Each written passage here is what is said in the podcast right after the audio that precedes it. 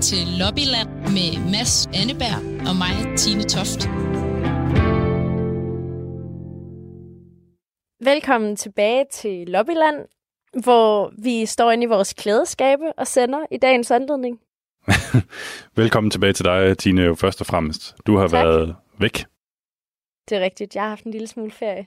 Øhm, nu ved jeg snart ikke, om, om vi skal tale først om, om klædeskabe eller, eller om, om, om din ferie. Men vi kan jo starte med din ferie, Dine. Altså, hvordan gik det ned i det? Du har været i det sydfynske øhav, og du vil ikke, du vil ikke sige noget til mig, øh, da du kom hjem, fordi du var sådan, jamen det kan du bare få at høre, når vi, øh, når vi optager vores radioprogram. Så, så det har jeg jo ligesom måtte, måtte vente øh, spændt på i flere dage nu. Ja, jeg ved ikke, hvor, hvor spændende det er. Jeg har høje skete, forventninger. der skete egentlig bare det, at jeg havde lagt store planer for, hvordan jeg kunne tage på ferie i Danmark, uden at komme i nærheden af nogle mennesker, ved at lege en bil og købe ind på forhånd, og så tage ud og sove i shelter, altså langt ud i naturen, væk fra folk. Og det første, der skete, det, det var, da vi kom til Langeland, sådan klokken 5, 4 om eftermiddagen, der øh, gik vi langt ud i skoven til sådan en shelter, der ligger helt ude på en spids. Og så var der allerede nogle mennesker. Altså det der booking-system, jeg ved ikke, om du kender det, men når man booker shelter, så booker man på Naturstyrelsen. Og der var simpelthen gået et eller andet galt i det der booking-system, så vi mødte egentlig op til, at der var øh, to kvinder, der faktisk havde booket det hele, og alligevel var der også en familie, øh, som også havde booket, så det var i virkeligheden tre grupper. Altså, vi havde alle sammen booket oven i hinanden. Men hvad, hvad, hvad gjorde I så? Slå sten, papir, eller hvad? Jamen, der skete så det øh, egentlig meget øh, fantastiske, at de her mennesker, som vi mødte, var nogle super outdoor-typer, så nogle af dem havde en halv præsending med. Jeg ved ikke, om du kan forestille dig det, men bare en præsending, der går op til knæet, og var helt klar til at hjælpe os med at bygge sådan en slags biwak. Men den der præsending kan jo ikke dække altså, særlig meget, så det endte med, at øh, de hjalp os med at skære den over på midten, den her lange, tynde præsending, og så sy den sammen med sådan noget hvidt-rødt afspærringstape af en slags. Så altså ved at tage en kniv, stikke huller i den her halve præsending, skære den over, og så flette den sammen med det her rød-hvide tape, sådan at det kunne lave et overdække, til vi kunne sove. Øhm, det var faktisk en, det var faktisk en meget fin oplevelse. det lyder helt forfærdeligt, men jeg er faktisk lidt misundelig alligevel, fordi at... øh, jeg vil, jeg vil sgu gerne have været nogen steder, øh, et eller andet sted hen. Altså, øhm, og især det sydfynske øhav. Jeg tænker altid på den der helt vilde teori, jeg ved ikke, om du har hørt den om, at Odysseen, altså den der sådan, græske øh, tragedie, foregår i det sydfynske øhav. Ah, ja. Og det, det gør det bare endnu mere sådan eksotisk og appellerende i, i, i mit hoved. Ikke? Jamen, det er jo også eksotisk, dog altså noget mindre, når man er afsted, hvor alt er lukket af, og der ikke er nogen mennesker. Sådan en lille smule dystopisk at gå forbi sådan en minigolfbane, som er helt aflukket, og det skal måske også siges, at det, er, det, var lige, altså det var lige koldt nok at sove udenfor i de dage, der sådan lige starten af april. Øh, men dejligt at komme ud. Der er det jo synd for dig, Mads. Du er bare lukket inde i en lejlighed midt i en stor by. Jamen det er jeg nemlig, og øh, altså hen over påsken, der har jeg jo bare siddet og sådan kløet mig selv lidt i navlen. Altså jeg har haft et, øh, et, et problem, som var, at jeg ville gerne købe en cykel, så jeg kunne komme ud og røre mig lidt. Øh, jeg bryder mig ikke om at løbe. Det, det, det kan jeg ikke rigtig øh, forene mig selv med. Men øh, hvis jeg nu havde en cykel, tænkte jeg hernede, jamen, så kunne jeg jo så kunne jeg virkelig komme ud, og så kunne jeg være fri igen. Øh, men problemet er bare, at langt de fleste cykler hernede er faktisk udsolgt. Altså, du kan ikke, du kan ikke gå i en forretning og købe en cykel, øh, så skulle du købe den online, men alle de fede cykler, de er ligesom væk, fordi alle andre har også fået den idé mange, mange dage før jeg, før jeg fik den. Så, så det er ligesom slut. Øhm, ja. Okay, jeg har faktisk brugt fire dage af min ferie på at købe en fantastisk cykel online, som skal kunne gå til lange ture. Jeg tror, der må være et eller andet med, at man bliver så indlukket, at man netop begynder at tænke, hvordan kan jeg komme rigtig Jamen, langt det. ud af den by her, så snart. Det er jo virkelig det. Og, og jeg, var sådan, jeg, jeg har brugt mange, mange, mange dage også på at bare sidde og kigge på forskellige cykler, og så i sidste ende kunne konstatere, efter jeg har den valgt en, og sådan, nej, den kunne jeg heller ikke få. Ja. I mellemtiden, Tine, så står vi jo her øh, og optager ja. øh, Lobbyland på, på Radio 4, som, som du kan lytter, lytter til. Øh, og som du var inde på i starten, så står vi i sådan en, en altså vi står begge to i vores, nærmest ind i vores klædeskabe, mm. øh, med sådan forskellige anretninger af dyner og laner og, og forskellige dejlige produkter. Det, det ser åndssvagt ud, men vi håber, at det lyder øh, en lille smule bedre, end det plejer. Ja, jeg har i hvert fald min badekåber til at hænge sådan op på skabslårene, og så tæppe op omkring mig. Så man kan kun se mine fødder og mine ben, hvis man kommer ind ad døren nu. Hvordan er det egentlig med dig, Tine? Går, altså, tager du normalt tøj på sådan nogle dage her, eller hvad, hvad, hvad for noget tøj står du i lige nu? Altså, jeg har stadigvæk sådan noget, altså, øh, shorts og nattop på, så jeg er ikke rigtig kommet så langt i, øh, i min okay, påklædning. Lige... Klokken er halv tolv øh, tirsdag, hvor vi optager det her. Bare lige så jeg ved det. Nå, øh, må jeg lige gøre opmærksom på en ting, øh, Tine? Vi, det er en ret særlig anledning i dag, faktisk. Øh, ah. Og jeg ved ikke, om vi lige kan få sat et lille klip på. Øh, det skulle gerne komme her. Ja, som årene er gået, slut af tidens skarvetand. Har vi to bestandig stået, vagt om vores gamle land. Ja.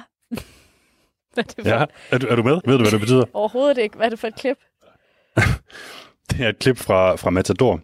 Ej, jeg har aldrig øhm, fået set hvor... Matador, det er så pinligt. Hvad? Okay. Ja. Øhm, konsuline Holm har lavet en sølvbryllupssang til herre og fru Varnes. Varnes, er det dem, som er rige? Ja, det er dem, som er rige. Ja, ja okay. Og, og det er jo fordi, i dag er vores 25. afsnit, Tina er Lobbyland. Er det rigtigt? Det er rigtigt. Tillykke, Mads. Eller hvad ja, tillykke. Det må vi lige drikke en, hver vores øl på øh, senere på dagen. Ja, så kan det også godt være, at jeg tager rigtig tøj på. det vil være helt perfekt. Øhm, 25 alligevel. Nå. Ja, det er sgu noget af en, øh, det er noget af en milepæl, synes jeg. Mm. Øh, og i det her 25. program af Lobbyland på Radio 4, der skal I jo øh, i dag høre om, hvorfor belgierne bruger masker, og danskerne ikke gør. Men først skal vi tale om noget lidt andet. Coronavirus spreder sig ekstremt hurtigt. We will be successful if we work together. Fra i morgen, der lukker de danske grænser. The lack of solidarity. We will be reminded by the Italians. We are all in this moment Italians. I sidste uge, Tine, da, da du var på, på ferie, der talte vi her i programmet om de problemer, som nogen oplever med deres flybilletter lige nu. Øhm, og hvis vi først bare lige skal få på plads, hvad situationen er, så er stort set alle fly jo aflyst her i, i Europa.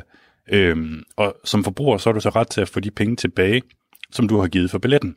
Øh, og det skal ske inden for syv dage, siger EU-lovgivningen. Ja, og hvis man er i tvivl om, man faktisk har den rettighed, så forklar øh, den politiske rådgiver fra Forbrugerrådet Tænk, Vibeke Myrtu Jensen her, at den rettighed, den har man altså. Hvis du har købt et flybillet, og dit fly det bliver aflyst, så har du ret til at få dine penge refunderet for billetten inden for syv dage. Du kan også blive tilbudt en voucher, altså et gavekort eller en ombooking til en senere tidspunkt. Men det er op til dig, hvad du vælger at tage imod. Ja, det er altså i princippet op til dig som, øh, som forbruger. Men problemet er lige nu, at mange flyselskaber er presset, enormt presset. Og derfor så vil de jo meget hellere give folk øh, sådan nogle værdikuponger, end de vil give folk penge. Mm. Man kan sige, jeg har for eksempel nogle, nogle flybilletter, hvor jeg ikke engang kan få lov til at bede om en, en refundering. Altså, øh, men du har så også fået noget i klemme, viser det sig? Ja, fordi øh, grunden til, at jeg egentlig øh, endte med at tage på ferie nu, øh, koldt som det var, øh, det var egentlig, at jeg har fået aflyst mine flybilletter til Portugal med flyselskabet KLM. Og der har jeg også forsøgt at finde ud af, om jeg ikke kunne få pengene tilbage. Og jeg har nærmest ikke kunne finde muligheden for refusion, fordi alle de steder, jeg har skrevet øh, på Messenger, hvor man kan skrive til flyselskabet, og på mail, og via hjemmesiden, der har muligheden faktisk ikke været der. Øhm, så jeg har kun kunne vælge at få et til gode bevis, altså en værdikupon, som gælder i et år. Og øh, jeg har så forsøgt at skrive, hvordan det kan være, når nu jeg ved, øh, efter at have hørt øh, med her i programmet og talt med dig om det, at der egentlig står i EU's regler, at jeg har ret til at få dem tilbage, at de ikke vil give mig det. Øhm, og der har de altså bare svaret mig, at som det ser ud lige nu, fordi de er så presset, så vælger de at sige, jamen vi synes, det er godt nok, at du kan få en værdikupon, som gælder i et år. Og hvis du så efter det år øh, stadig ikke har brugt den, så kan du få pengene tilbage. Fordi deres indtryk er, at ret mange regeringer faktisk bakker op om den løsning. Og det er jo så her, det bliver spændende. Og noget af det, vi skal snakke om, det er jo, at det særligt er Holland, der på en eller anden måde giver flyselskabet her sådan lidt en carte blanche. Ja, men der er jo, der er jo nogle lande, og, og det vi talte om i sidste uge, det var jo også, at Tyskland gerne ville have lavet reglerne om på EU-niveau, sådan at, øh, at deres flyselskab, altså Lufthansa, ligesom kunne, kunne få lidt mere øh, alburum i, i den her tid. Så det er jo noget, som der vil komme et slagsmål om, øh, faktisk på EU-niveau. Ja, og det handler jo også sådan lidt om, har man lyst til, har jeg lyst til at vente med at få mine penge tilbage for at understøtte et selskab. Jeg tror, det er noget, mange sidder og tænker over, også med festivalbilletter, eller hvad det kan være et eller andet kulturarrangement, man ellers har betalt for, hvor man måske kan vælge at sige, jeg skal have pengene tilbage, eller øh, det er fint for mig, at jeg bare får en værdikupon. Jeg beholder øh, det her for at understøtte selskabet. Og pointen er så her, at jeg kan faktisk ikke engang vælge at få pengene tilbage, selvom det står i EU-reglerne, at det har jeg ret til. Ja, og vi, øh, vi vil jo frygtelig gerne høre fra jer derude, om jeres fly er, er blevet aflyst, og om, om I har forsøgt at få jeres penge øh, retur, og hvad for nogle erfaringer I har gjort jer med det. Altså, det kan jo godt være, at der er nogen, der sidder ude og tænker, at det er faktisk helt okay, at mine penge, de lige nu øh, bare står i den store flyselskabsbank mm. for at, at hjælpe dem igennem krisen. Det kan også være, at der er nogen, der tænker, ej, det må I sgu længere ud på landet med, fordi vi jo allerede giver dem nogle, nogle hjælpepakker gennem skattebilletten. Ikke? Så øh, vi vil meget gerne høre fra jer på lobbyland radio4.dk. Ja, og vi har jo egentlig talt om det i to programmer nu, men vi bliver egentlig ved med at følge det. Øhm, og derfor må du altså meget gerne skrive, hvis du har erfaringer med det, også hvordan det går med at få pengene retur, fordi det er ret forskelligt, hvad selskaberne gør. Øh, det er ikke rigtig lykkes mig endnu øh, og få noget ud af det her, og så må jeg så åbenbart selv vælge, om jeg vil have en værdikupon, eller om jeg bare vil vente og se, hvad der sker. Det, som jeg fik at vide, øh, da jeg ringede til, til mit flyselskab, det var jo, at jeg kunne bare lige vente som time, altså noget tid, og så vil den der refunderingsmulighed øh, øh, mulighed ligesom blive tilgængelig igen. Men i forhold til det her øh, politiske slagsmål, som, som vi taler om her, der har vi altså Tyskland og, og Holland, som, som vi har nævnt, men nu er det faktisk også den største gruppe i Europaparlamentet, som vil give flyselskaberne lov til først at give kunderne penge retur til oktober. Mm. Og i den gruppe, der sidder jo danske Pernille Weiss fra De Konservative. Og hende har du taget en snak med, Tine?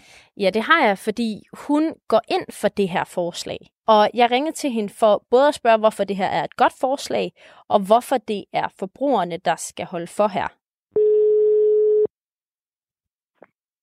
Det er Pernille.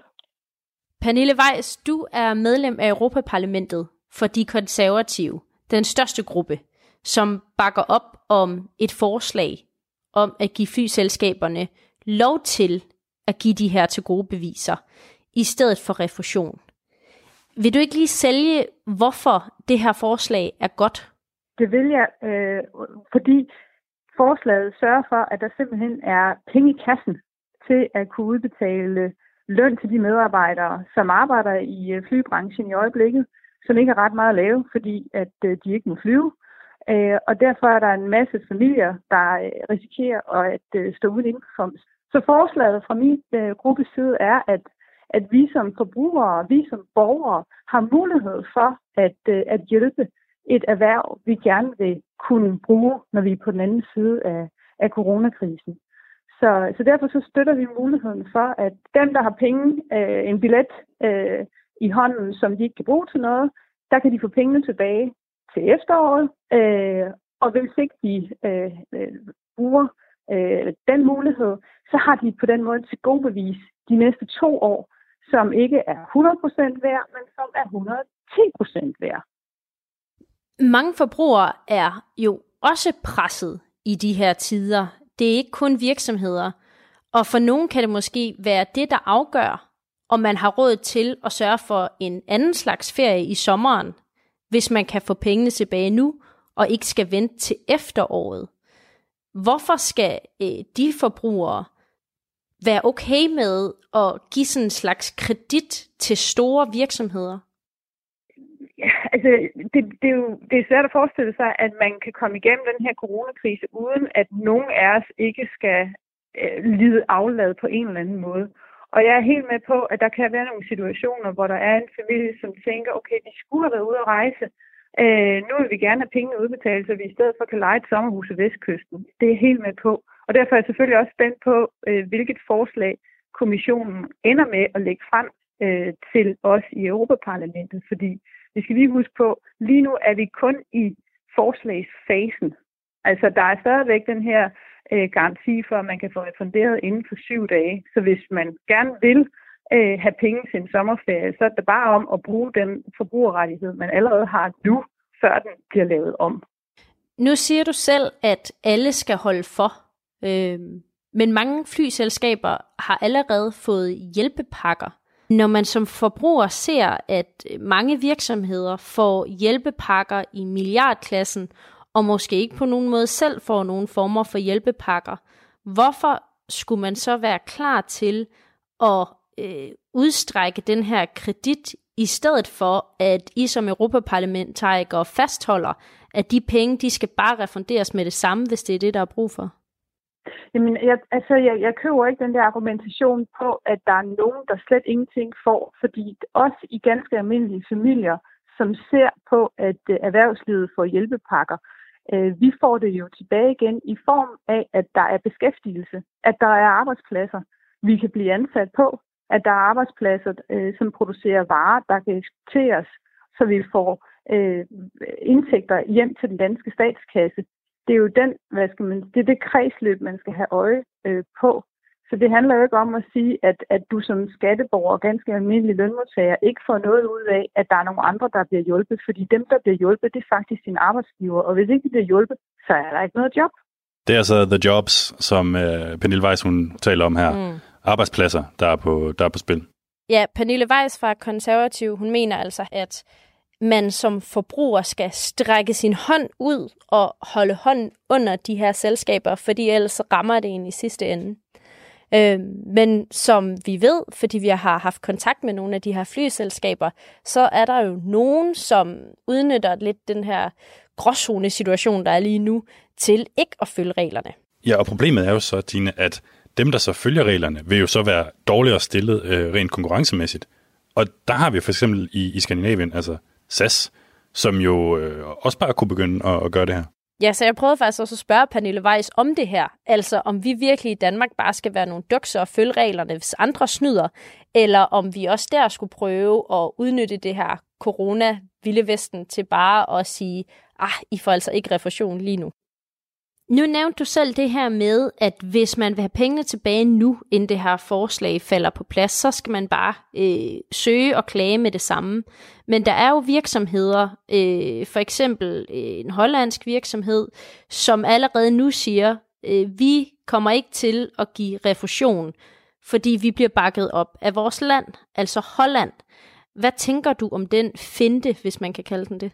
Jamen, øh, jeg har ikke selv hørt om den, men sådan som du forklarer den lige nu her, så tænker jeg, at, at selvom at ens regering måske kan synes, det er synd, at man skal overholde øh, lovgivning, så skal man stadigvæk overholde lovgivningen. Og der er en forbrugerbeskyttelse, og der er en forbrugerret til at få refunderet pengene inden for, for syv dage, medmindre man har frasagt den på forhånd øh, som, som, som kunde. Øh, så jeg forstår egentlig ikke den, øh, det, det billede. Øh, det, det, det, det, det må være et, et særligt hollandsk krumspring, man forsøger at gøre for at omgå øh, EU-lovgivning, og det, det kan man ikke. Altså det kan godt være, at man har lyst til at gøre det i Holland, men man må ikke. Øh, så jeg går ud fra, at der lokalt øh, i Holland er en diskussion omkring det her, og ellers øh, så må det jo indklages øh, til, øh, til EU, at øh, man omgås øh, øh forbrugerbeskyttelsen i Holland. Men kunne vi ikke gøre det samme i Danmark? Så bare sige, ja, SAS, I må også godt lige omgås det her, fordi det hele er en gråzone, så vi ikke ender med at være det eneste land, der bare sidder og dukse. altså fordi at der er nogle hollænder, der overvejer at gøre noget, de ikke må, så betyder det jo ikke, at vi alle sammen skal forestille os, at nu skal vi alle sammen gøre det. Øh, vi, skal, vi skal holde øh, loven, og vi skal holde aftalerne, og det er jo også derfor, at øh, min gruppe har har stillet et skriftligt forslag til kommissionen om at ændre lovgrundlaget, sådan så at der er beskyttelse imod, at man laver bare det, man sådan lige synes egoistisk er, er smart at gøre her og nu. Altså, det er jo ikke, demokrati er jo ikke et anarki, øh, og, øh, og derfor så kan jeg ikke forestille mig, at hollænderne, de, om jeg så må sige, øh, får held med, med det, de overvejer at gøre. Så hvis man nu som forbruger sidder og oplever, at ens flyselskab øh, ikke vil give refusion lige nu. For eksempel med henvisning til, at det virker som om enkelte regeringer vil acceptere den finte. Synes du så, man skal klage og kræve det, eller skal man også undlade det for ikke at presse de her virksomheder yderligere? Nej. Jamen, prøv at høre her. Øh, altså forbrugerbeskyttelse, det gælder 24-7, så selvfølgelig skal folk, der, der har fået den stukket ud øh, i telefoner, de har bedt om at få øh, deres øh, penge refunderet, så skal de jo klage over det. Så skal de jo tage fat i forbrugerorganisationerne, eller, eller ja, hvem man nu øh, tager fat i, når man, når man bliver, bliver forsøgt snydt for noget, man har ret til. Det er da klart. Men så rammer man jo bare virksomhederne, og så rammer det os alle sammen, som du siger. Jamen prøv nu, det får det til at lyde som om, at nu skal vi prøve at snyde øh, nogen øh, så hurtigt som muligt, øh, før der er et lovgrundlag, der beskriver præcis, hvordan vi skal gøre det, hvis vi gerne vil hjælpe et selskab. Altså, øh, øh, det, det, det, ja, det synes jeg er noget underligt øh, noget. Okay, hvis du møder en af dine hollandske kolleger, må du jo lige spørge dem, hvad det handler om. Ja. Altså, for det er det svar, de giver os i hvert fald. Okay, det er interessant. Jeg skal være sammen med to af mine hollandske kollegaer på onsdag, så det skal jeg da bestemt gøre. Det kan du tro. Ja, så man kan sige, at tyskerne går ind for det her, hollænderne går ind for det her. Du har faktisk prøvet også at spørge den danske regering, hvad vores øh, sådan holdning er til det. Altså, skal EU-reglerne laves om, så man som flypassager ikke bare lige umiddelbart kan få sine penge tilbage? Ja, jeg startede med at spørge Erhvervsministeriet, og så har jeg fået øh, et svar fra transportminister Benny Engelbrecht. Og jeg tror måske, når jeg læser svaret op, at man skal lytte efter det, der ikke bliver svaret, mere end det, der måske bliver skrevet, fordi det ikke er så klart et svar. Øh, han skriver, det er vigtigt, at vi ikke kommer til at undergrave tilliden til flyselskaberne, så passagererne bliver bange for, at de ikke kan få deres penge tilbage, hvis de bestiller flyrejser, som bliver aflyst. Der er således mange nuancer, der skal tages hensyn til, og jeg er derfor i dialog med mine europæiske kolleger om konsekvenserne af forslaget. Ja, det er altså transportminister Benny Engelbrecht, som jo godt kunne have skrevet i det her svar, vi holder fast i, at forbrugerne skal beskyttes på samme måde, som de gør nu. Men det svarer han ikke. Nej, han siger egentlig, at øh, vi er i dialog med de europæiske kolleger, og jeg har så prøvet at følge op og spurgt, om vi kan få et interview med ministeren til næste uges program, om hvad han egentlig mener. Så det må vi lige se. Ja, og i mellemtiden, Tine, så er det altså bare med at klage øh, til alle, der sidder derude, og ligesom ikke synes, det er så fedt at have sådan en voucher, hvis de, hvis de nu ikke kan bruge den til noget. Øh, jamen, så skal man simpelthen bare prøve at, at, at klage.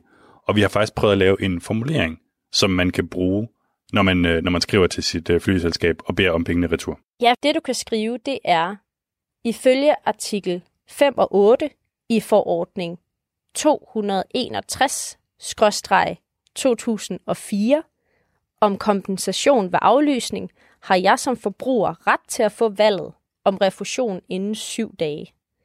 Da disse regler stadig er i kraft, vil jeg gerne henvise til dem og bede om refusion.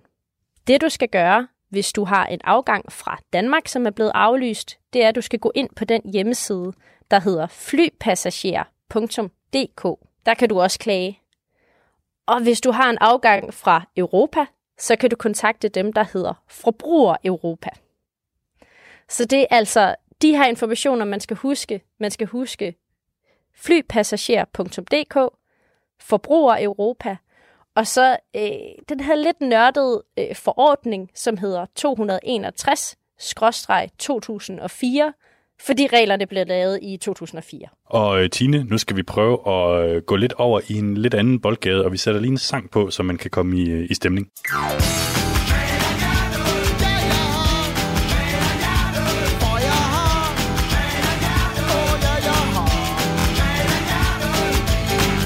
Goddag, det er fra Arbejdstilsynet. Hvor er jeres masker, du? Masker? Hvad for masker? Ja, hvad for masker, Tine? Det skal nemlig handle om masker nu. Altså, ikke øh, sådan nogle masker nødvendigvis, som man bruger til øh, ikke at få malerhjerne, men til gengæld sådan nogle masker, som man bruger til at begrænse smitten af corona. Fordi i sidste uge, der gik EU-kommissionen ud med sådan en form for, altså vil sige, en, en række anbefalinger til, hvad man skal gøre, når man nu begynder at åbne samfundene op ude omkring i Europa så småt, altså som vi jo for eksempel gør i Danmark. Og der er en af deres pointer, at måske man skulle overveje at bruge sådan nogle masker. Altså sådan nogle, jeg tror der er nogen, der kalder dem mundbind. Øh, ligesom bare sådan nogle helt simple ting, man tager fra munden. Og det de så gør, det er, at hvis man nu har corona uden at vide det, så kan det være, at man ikke smitter helt så meget, når man går ud. Og det er nogle anbefalinger, de kommer med, fordi de gerne vil have, at vi bare koordinerer en lille smule. Ikke? Jo, det er jo det. Altså, de, de har ligesom lavet de her anbefalinger for at øh, prøve at ikke strømligne, men bare koordinere lidt, hvad det er, de enkelte lande i EU gør. Og, og det giver jo mening, det var vi også inde på i sidste uges program, øh, af, af en række årsager, altså fordi du kan ikke slappe helt af, før alle har fået corona ud af, af, af verden. Men man kan sige, der er så kommet øh, den her lille øh, vejledning øh, fra EU-kommissionen, som selvfølgelig heller ikke er alt for detaljeret heller, fordi den skal kunne gælde til alle 27 EU-lande, men som trods alt giver nogle, nogle forskellige sådan, anbefalinger. Og der er maskerne altså et af dem. Mm. Og det er underligt at tænke på, fordi at folk bruger masker i Belgien, og i Danmark er der jo ingen, der går rundt med masker. Nej, men det er det. Og jeg har faktisk jeg har lagt mærke til, at det er blevet mere og mere her i Belgien, hvor, hvor jeg er. Og i starten, der, der kiggede jeg på folk med masker og tænkte sådan, nej, nu har jeg det aldrig. Hvor er det frægt? Altså, fordi du, det var jo sådan nogle masker, som i princippet skulle gå til mm, dem, som er i, i, i forreste række, ikke? Altså, du ved, øh, sundhedspersonale og sådan noget. Men det er ligesom om, mm, det er blevet lidt en anden situation. Altså, fordi nu er der, der kommer flere og flere masker, øh, og, og på en måde, så er der begyndt at være sådan, i hvert fald her i Belgien, jamen der gik de simpelthen øh, fra regeringens side sidste uge ud og sagde, nu, nu anbefaler vi faktisk, at de bruger masker. Øh, og det, er bare, det skal jo ikke være sådan nogle, øh, sådan nogle, som man har på på hospitaler og sådan noget, men bare sådan, du ved, en eller anden form for beskyttelse foran øh, munden. Og, og det kan man altså se, det er der også en del, der, der, der gør. Især når man er i supermarkedet hernede. Der, der er det virkelig øh, mange, der har det på. Det er øh, specielt at forestille sig. Altså, f- Jamen, men, fordi ja. det der med, at folk går rundt med masker, øh, det giver bare en eller anden øh, distance og tydelighed i gadebilledet af, hvad det er, vi har med at gøre. Og det er endnu mere underligt på en måde, at to lande, der er så tæt på hinanden, har så forskellige tilgange til det. Altså om det er en god idé eller en dårlig idé. Jamen det er det, og jeg har også sådan lagt mærke til, for eksempel når man er ude og gå en tur eller sådan noget, så, så kan der være, så så jeg for eksempel et par, som øh, begge to havde masker på, og, så, og som tog en selfie af hinanden nede ved, nede ved søen. Og så er sådan, altså, tænk, tænk om, om 10 år, når de kigger tilbage på det her, så vil de virkelig kunne se, okay, det var den gang, hvor der var panik og alarm i, øh, i Europa, og hvor vi var nødt til at gå med masker og sådan noget. Det er, det er også et, det er, der er et tydeligt, meget tydeligt signal, eller en form for, øh, hvad skal man sige, øh, der, der er nogle følelser involveret i det også, ikke? Mm. Og øh, lige for at lytterne kan sætte sig ind i, altså i hvert fald de danske lyttere, som jo ikke går rundt med masker, hvad det er, øh, vi taler om, så synes jeg bare lige, at vi skal øh, høre det lydklip, som vi har snakket om de her to dage, som er øh, fra en Batman-film med en fuldstændig legendarisk scene med Bane. Who are you? It doesn't matter who we are. What matters is our plan.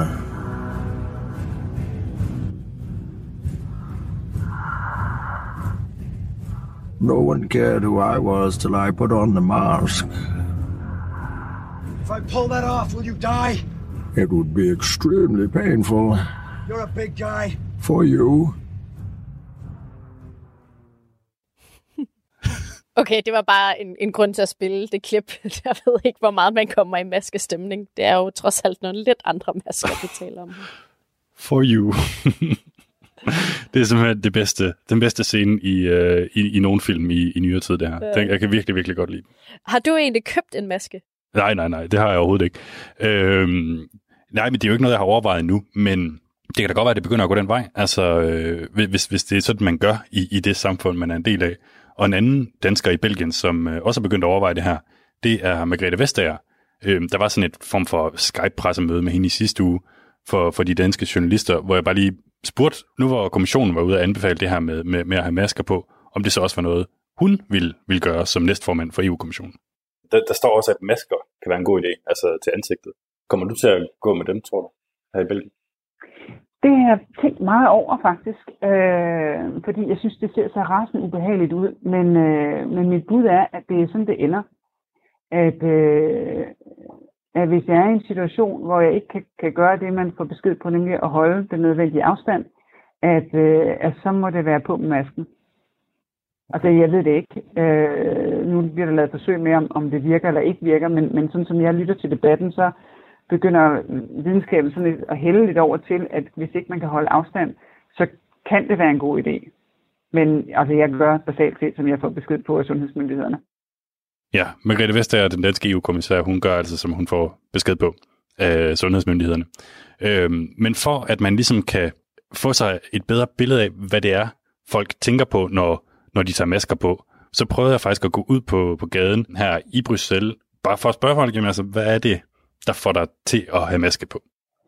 I just want to ask why you're wearing the mask. Well, because I was advised to do so. So uh, I think, well, uh, most of people, uh, well, or most of the experts say that uh, masks can protect you and protect the others from the COVID-19. So, uh, of course, yeah, I, I'm wearing it because I have to protect myself and protect the others as well. Han siger altså, at han har masken på, fordi at det er det, han bliver anbefalet, og fordi han gerne vil beskytte sig selv og andre. Why are you wearing the mask? Uh, in order to protect myself. So I did some shop and uh, I would like to, to protect myself and also the others. It's, it's 17 euro. It costs a bit, but okay. it's fine. Ja, så hun vil også gerne beskytte sig selv og de andre. Og det må hun så faktisk give 17 euro for at få lov til. Altså omkring 130 kroner for en maske. Hvis jeg nu skulle komme med et kvalificeret bud, så er det et sted mellem 1 ud af 5 og 1 ud af 10, der har maske på lige nu.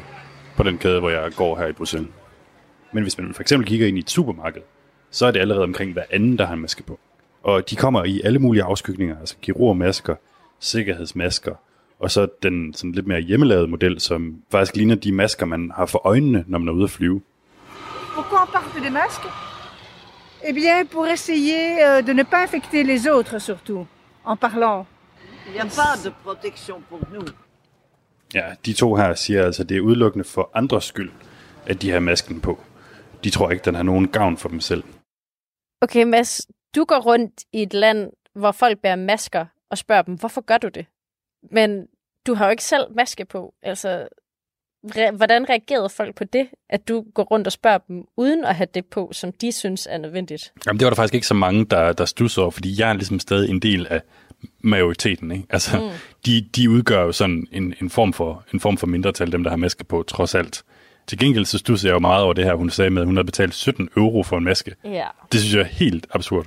Ja, og det øh, har vi jo tænkt, at man måske kan gøre en lille smule billigere.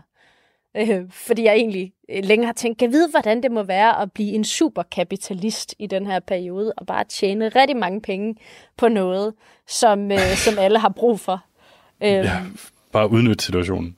Ja, og du har ikke købt en, jeg har heller ikke købt en. Til gengæld, så har jeg lavet en selv. Ja, vi har skabt en form for konkurrence, Tine, mellem os to. ja. øh, hvem kan lave en sådan do-it-yourself-maske, som ser ud, som om den er penge værd? Ja, øhm, og jeg vil allerede sige, at når vi så lægger det her ud på Facebook, så skal folk derude bare lige vide, at der er blevet snydt lidt i processen, fordi du jo har set min maske.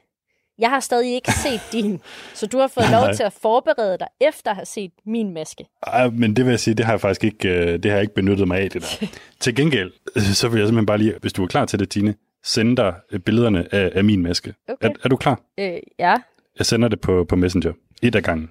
Et af gangen. Det var første billede.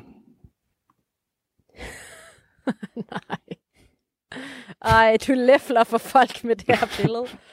øhm, ved jeg sgu ikke, jeg kan. jeg ser på et blåt EU-flag med gule stjerner. Det er næsten for meget, har du lavet en maske ud af et EU-flag. Følger med, Tine. Ja. Ser på et billede af dig, der folder EU-flaget sammen på midten, så der er to elastikker, der faktisk hedder scrunchies, øh, som man bruger til sit hår i begge ender, som om det var sådan en spiseserviet. Det var lige det materiale, jeg havde. Ja, okay. Send mig gerne det sidste billede, hvor du har den på, så jeg kan se, hvordan det sådan tager sig ud designmæssigt. Nej, det er for meget. Det ligner, at de gule stjerner, de er sådan, er din mund. jeg tror øh, godt, du kan sælge den her øh, til folk som Uffe Ellemann, eller hvem der ellers også går rundt med EU-sokker. Øh, jeg ved ikke, hvor mange penge der er i det, men du kan prøve os. Europabevægelsen eller et eller andet. jeg tror også, det, det er meget afgrænset marked, jeg vil kunne sælge den her til. Men, øh, Men din er jo så lavet af sådan noget, det ligner sådan noget polyesterstof, eller et eller andet. Hvad er det for noget? ja, man kan sige, problemet er, at den måde, jeg gør det på her, der skulle du i princippet have et, øh, et lommetørklæde. Mm. Men det er jo ikke nogen, der har, så vidt jeg ved. Øhm, jeg har så brugt et EU-flag her. Ja, det går det ikke lige er det bedste stof. ja, det er så det. det kan godt ikke er det bedste stof at lave den af. I virkeligheden, så skal man jo nok ud i noget, der ligner lidt noget bomuld, som jo er det, du har lavet den af. Og hvis vi lige går ind, Tine, altså, nu fik du jo lov til at kommentere på, på min her. Hvor er de billeder af hende, som du har sendt mig? Du ligner en hver EU-skeptikers mareridt med den der maske på. okay, Tine.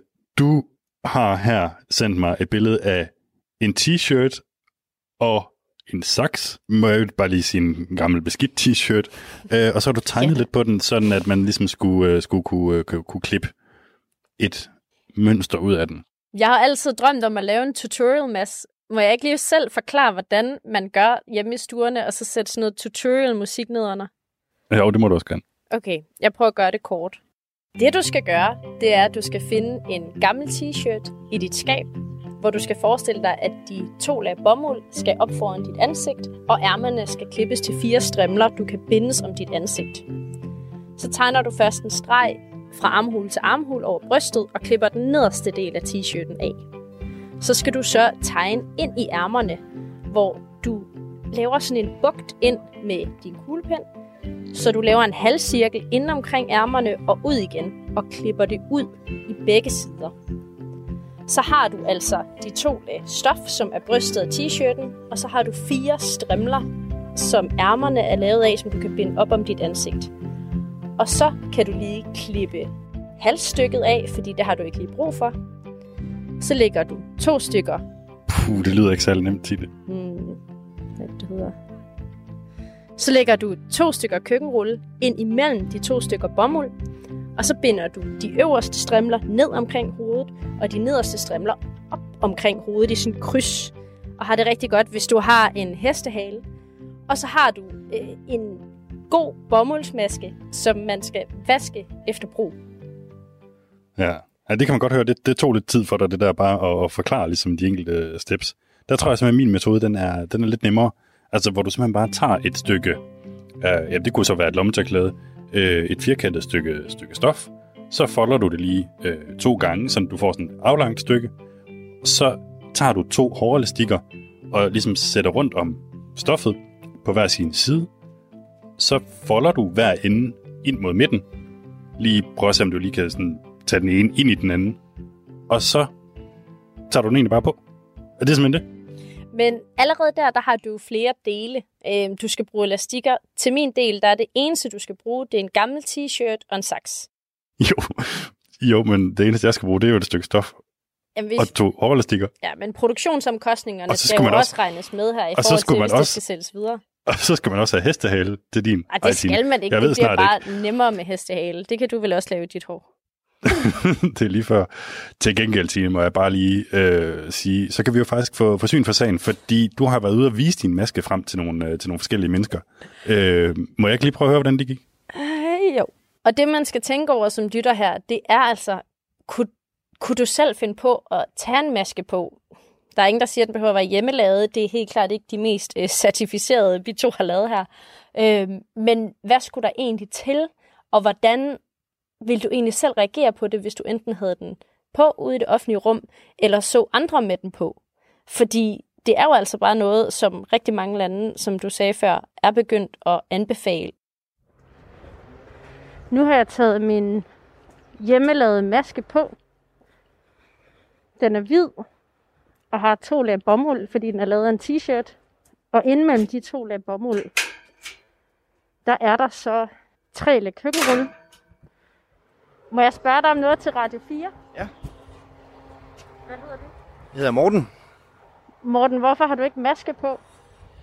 Fordi det anbefaler sundhedsmyndighederne ikke, at man gør endnu.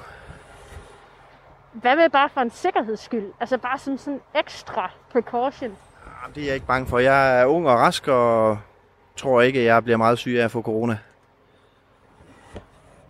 Men nu er det jo ikke kun dig, det handler om, Morten. Det er jo også andre, når man sådan bærer smitten rundt. Ja, men vi sørger os for at holde os for god afstand af alle andre mennesker, så vi ikke risikerer at smitte andre. Hvad tænker du om øh, min hjemmelavede maske? Øh, det er nok bedre end ikke at have nogen maske på. Så øh, det hjælper nok en smule. Bare du ikke bruger den for lang tid i gangen. Så risikerer du også at få vand i lungerne. Ja. Fordi udåndingsdampen, den sidder fast i, øh, i din hjemmelavede maske, og gør, at du ikke kan ventilere ordentligt i lungerne. Det lyder faktisk, som om du har sat dig ind i det. Har du overvejet selv at lave en? Nej, det har jeg ikke. Jeg er håndværker, og vi har vores egne masker. Og vi er vant til at ikke at må bruge masken mere end en halv time gangen, for ikke at få vand i lungerne. Jamen, det har jeg ikke, fordi jeg, jeg frygter ikke at blive smittet af at gå på gaden her. Og så har jeg ikke brug for at have maske på, tror jeg. Øh, og så synes jeg også, at det sender et, et, et sådan lidt, ikke nødvendigvis skræmmende signal. Men, øh, Kan du ikke lige beskrive det signal? mm, først så, så jeg det, og så tænkte jeg, øh, om du selv var syg, eller om, om du er meget skrøbelig og bange for at blive syg. Og så tror jeg, jeg tænker, at hvis, hvis du har den på, fordi du er bange for at blive syg, så, så synes jeg måske, du skulle blive hjemme, i stedet for at gå ud på gaden. Det har taget mig 10 minutter at lave den her. Og jeg overvejer lidt, om det er noget, jeg kan sælge for dette. Nej, tror jeg ikke.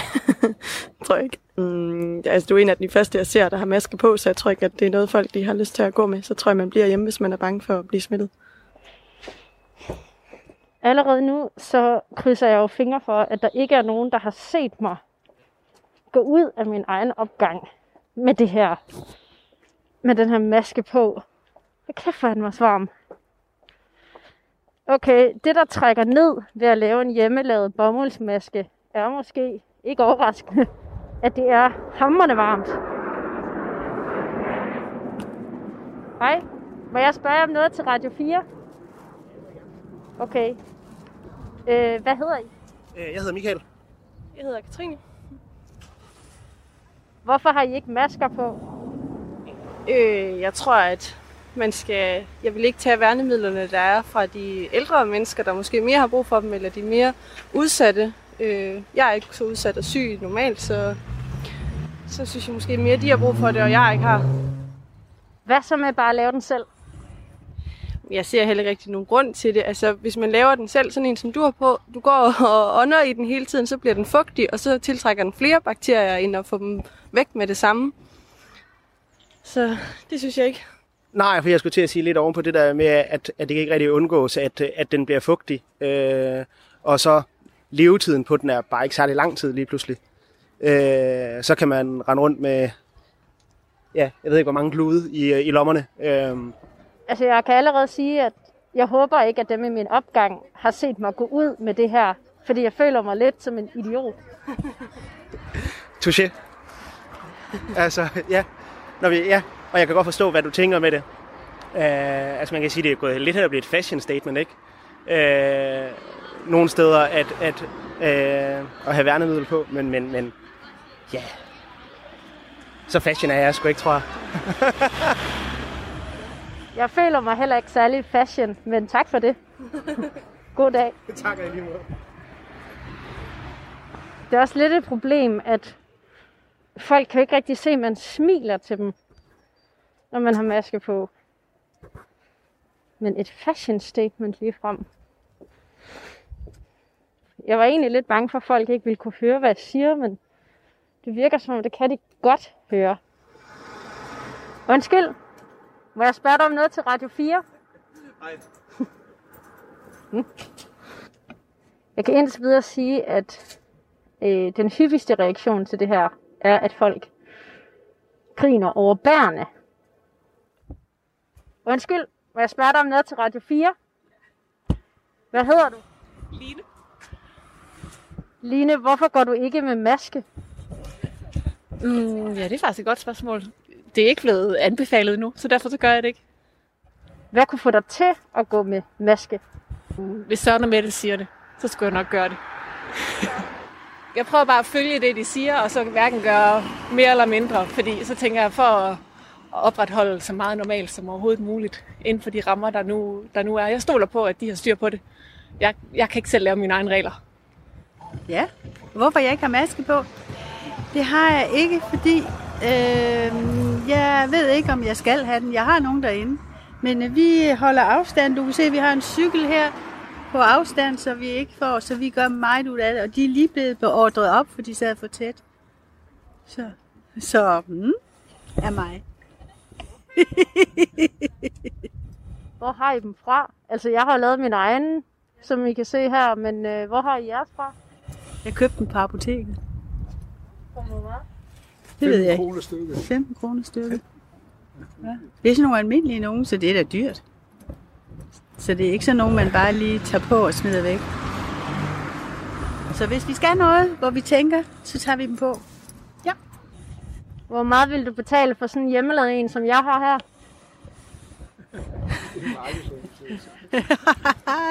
det ved jeg ikke, så vil jeg lave den selv.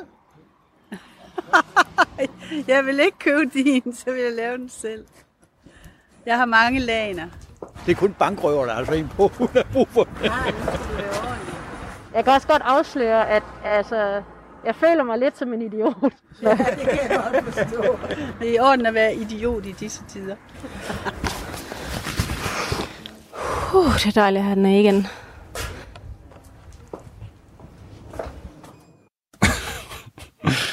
Det, det skal ikke være nogen hemmelighed, at jeg kan rigtig godt lide den her reportage. Det er, det er dejligt at høre dig være ude i uh, ude på gaden i Aarhus og, uh, og få at vide, at du ligner en bankrøver. Om det er, jeg tror ikke, det bliver lige så acceptabelt i Danmark, selv hvis vi skulle få øh, en øh, anbefaling om at bruge det, ligesom i Belgien, så tror jeg altså, det ligger længere væk fra os. Man kunne næsten også høre det på Margrethe Vestager. Huh, hun har ikke lyst til det. Nej, men der ligger jo helt klart noget, noget kulturelt i det der med, altså, øh, det var der endda også en, der sagde til mig her i Belgien, han havde godt nok taget maske på, men det var et, en form for kulturel ting, der lige skulle overvindes, altså, fordi det er måske lidt mere udbredt sådan i, i Asien, eller hvad skal man sige, men, men i Europa, det er jo ikke noget, folk gør, øh, og der slet ikke i Danmark. Nej, og stadigvæk, så kan man jo øh, gå ind og øh, byde på, hvad for en maske man egentlig synes, der er flest penge værd, eller som er, hvad kan man sige, flottest. Og det kan man gøre inde på Radio 4's Facebook-side. Nu er det jo subjektivt, øh, hvad skal man sige, men, men man kan jo høre Tine din maske få altså synderlemmende kritik i, i det her indslag, ja. som du selv har været ude at lave, ikke? Altså, puha, det er, der er ikke det, der ikke er galt med den maske. Nej, men hvis du øh, går ud med din EU-maske i Bruxelles, så er jeg sikker på, at du får ros på den. Men prøv du bare at tage den på herhjemme. så jeg vil bare sige, stem med hjertet. Er det bankrøvermasken, eller er det EU-masken, som du vil betale flest penge for? That's the question. Og i mellemtiden, så, øh, så gik jeg jo som sagt og stussede lidt over det her, og, og det viser sig, at det er jo ikke kun Belgien, hvor man anbefaler, at man skal have maske på. Det gør de også nu i, i Tyskland og en, en lang række andre europæiske lande. Og der er endda nogen, hvor man så siger, øh, jamen det er simpelthen lovpligtigt efterhånden at gå med maske. Det er tilfældet i Østrig, det er lige blevet tilfældet i Luxembourg, hvor alle borgere så bare har fået tilsendt sådan en lille øh, konvolut med, med fem masker. Øh, hvilket jeg synes er mega smart, når man så endelig gør det lovpligtigt, så og bare sende, sende det ud med posten. Det kan man selvfølgelig også, når man har verdens mindste land. Øh, men der er altså en, en, en god håndfuld lande, hvor, hvor det nu er lovpligtigt simpelthen at gå med maske, når man er udenfor øh, i, i, i sådan nogle situationer, hvor man ikke kan holde afstand. Altså det kan fx være i supermarkedet eller på bussen. Og typisk måske igen, så er det bare også mod, mod nord, hvor ingen har masker på. Det er jo det. Men hvem har så ret for Søren? Det er jo det, der er spørgsmålet, Tine. Så jeg har ringet til Allan Randrup Thomsen, som er professor i biologi ved Københavns Universitet, for at finde ud af, jamen, er der egentlig noget sundhedsmæssigt belæg? Er det os i Danmark, der tager fejl, når vi ikke har masker på? Det kan I høre her. Randrup Thomsen. Hej, det er Mads fra Radio 4. Allan, jeg, jeg ringer jo til dig, fordi jeg bare vil spørge dig, altså, hvorfor i Danmark vi ikke anbefaler folk at have masker på i det offentlige rum? Ja, men det, det gør vi ikke, fordi der er ikke nogen øh, særlig klar øh, evidens for, at det virker effektivt. Der er en lille overvægt mod, at der måske er en effekt, men generelt er der ikke. Og øh, hvis man går ind og kigger på nogle af, af de øh, undersøgelser, kigger på dem lidt nærmere, nogen der har, har gjort noget ud af det, så viser det sig ofte, at det er fordi en stor del af dem, som øh, skal bruge maskerne, de bruger dem ikke konsekvent, og de bruger dem ikke rigtigt. Og, øh, og så er det jo, øh, det, i den sammenhæng skal man også huske, at det ikke er særlig behageligt at gå med maske på. Øh, og det er nok en medvirkende årsag til, at folk ikke bruger den konsekvent. Så det vil sige, hvis folk rent faktisk brugte den rigtigt, så kunne det godt have en, en effekt? Det kunne det muligvis godt, men, men da, da erfaringerne viser, at det gør folk overvejende ikke. Altså det, man må tænke på, det er, at det her er baseret på undersøgelser, for folk decideret fået at vide, at de indgår i en undersøgelse, og ikke desto mindre har de stadigvæk ikke gjort det, så har jeg svært ved at forestille mig, at sådan almen borgeren øh, vil, vil, øh, vil, øh, vil, overholde det. Øh, og, og det jeg især bange for, når jeg, når jeg er, er, er utryg ved det, det er, at det bliver en substitut for at holde afstand.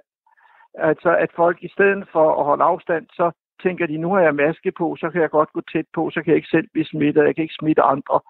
Og, og, og den går altså bare ikke, fordi blandt andet, når du har en almindelig maske på, så er dine øjne ikke dækket, og du kan jo også få øh, spytdråber ind gennem øjnene, så der er ikke nogen 100% beskyttelse ved en maske. Den kan reducere noget, men, men den er ikke nær så, så tæt, eller hvad skal man sige, så beskyttende, som, som man umiddelbart intuitivt måske kunne tro.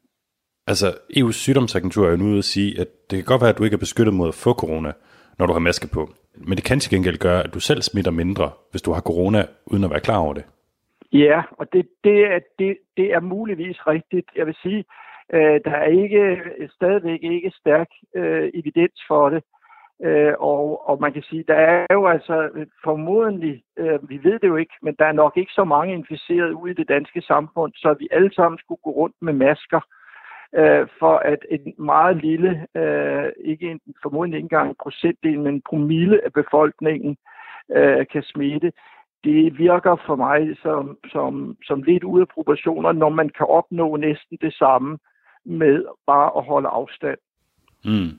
Ja, man kan sige, altså grunden til at jeg spørger, det er jo fordi, jeg, jeg befinder mig lige nu i, øh, i Belgien, hvor det er blevet anbefalet nu, at man går med maske, øh, for eksempel når man skal ud handle eller tage offentlig transport, øh, og det samme i Tyskland for nylig, og så har du sådan nogle lande som Østrig, Tjekkiet og, og nu også Luxembourg, hvor man skal have dem på. Så jeg tænker bare, hvordan kan der være så stor forskel på, hvad man tror på i de enkelte lande? Jamen, ja, ja, hvis jeg skal være helt ærlig, så må jeg sige, at, at jeg tror meget, det er et spørgsmål om uh, pres for offentligheden. At, at det er et eller andet, uh, hvad skal man sige, magisk, uh, som folk tror har en enorm effekt. Uh, det, der undrer mig, er, at, at for en måned siden sagde de samme myndigheder uh, helt klart, at de ville ikke anbefale masker. Lige pludselig har de ændret opfattelse, og i mellemtiden er der ikke kommet noget ud øh, i videnskabelige artikler, som har, øh, hvad skal man sige, givet anledning til, at man øh, burde ændre opfattelse. Hvad er risikoen for, at det er også i Danmark, der tager fejl? Jamen altså, den, den er selvfølgelig altid øh, øh, det faktum, at man kan, øh, at man øh, kan jo tage fejl indtil man ved bedre, men jeg kan bare ikke se, hvor den videnskabelige evidens, en overbevisende videnskabelig evidens kommer fra. Og, og derfor synes jeg ikke, vi skal anbefale noget fra, fra de offentlige myndigheders side, som der ikke er sikker øh, evidens for, og som ovenikøbet kan føre til, eller vi risikerer at føre til, at folk ikke holder den afstand, som er, er mindst lige så god, formodentlig bedre. Okay, det er jo ikke så overraskende egentlig, at han fortæller, at der er så lidt evidens for det, at det ikke rigtig virker. Og det er også noget, jeg kunne læse mig til mange andre steder, at ofte så vil man tage den på forkert, eller man vil røre ved den, eller gøre alle mulige ting, som gør, at det egentlig bare kan skabe sådan en falsk tryghed, øh, som måske gør, at man så til gengæld tænker, ah, så behøver jeg ikke holde så meget afstand. Altså, det kunne jeg egentlig godt forestille mig, at det ville gøre, hvis jeg selv rendte rundt med en. Så vi kan i hvert fald godt konkludere, at masker er ikke nogen mirakelkur. Mm. Altså, det, det kan ikke være en erstatning for, for noget som helst. Og som Margrethe Vest her jo pointerer, så ser det rasende ubehageligt ud. Og jeg synes faktisk heller ikke, det var særlig fedt at have min maske på, Ej, hvis jeg skal være helt ærlig. Nej, enig.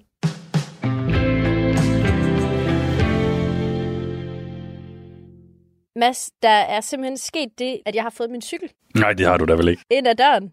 Jeg har fået et kæmpe pakke, så nu skal jeg til at samle min cykel, de der tilhørende cykeltasker og cykle langt ud af den her by. Det er godt nok meget, meget, meget misundelig på, det må jeg sige. Ja, det kan jeg godt forstå. Skal vi sige, at det var det for vores program i dag, øh, Lobbyland, øh, som vi lige nu sender optaget fra to klædeskabe fra Danmark og Belgien, og øh, som man kan downloade og podcaste. Og hvis man har øh, kommentar til øh, programmet eller spørgsmål eller opfordringer, så kan man stadig skrive ind til lobbyland radio4.dk, og så kan man gå ind og se øh, de meget øh, kunstfærdigt udførte masker inde på Radio 4's Facebook-side. Ja, jeg kan godt høre, at du er meget utålmodig for at komme ud og, og cykle en tur, Tine, på din nye cykel. ja, øh, men det er fint, du, øh, du, du er her med øh, Akron, og øh, vi høres ved i næste uge. ja.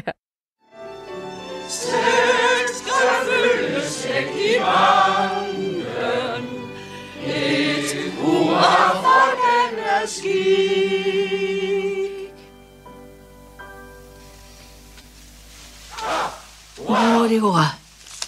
Skal desserten op nu? Nej, nu taler bankdirektøren.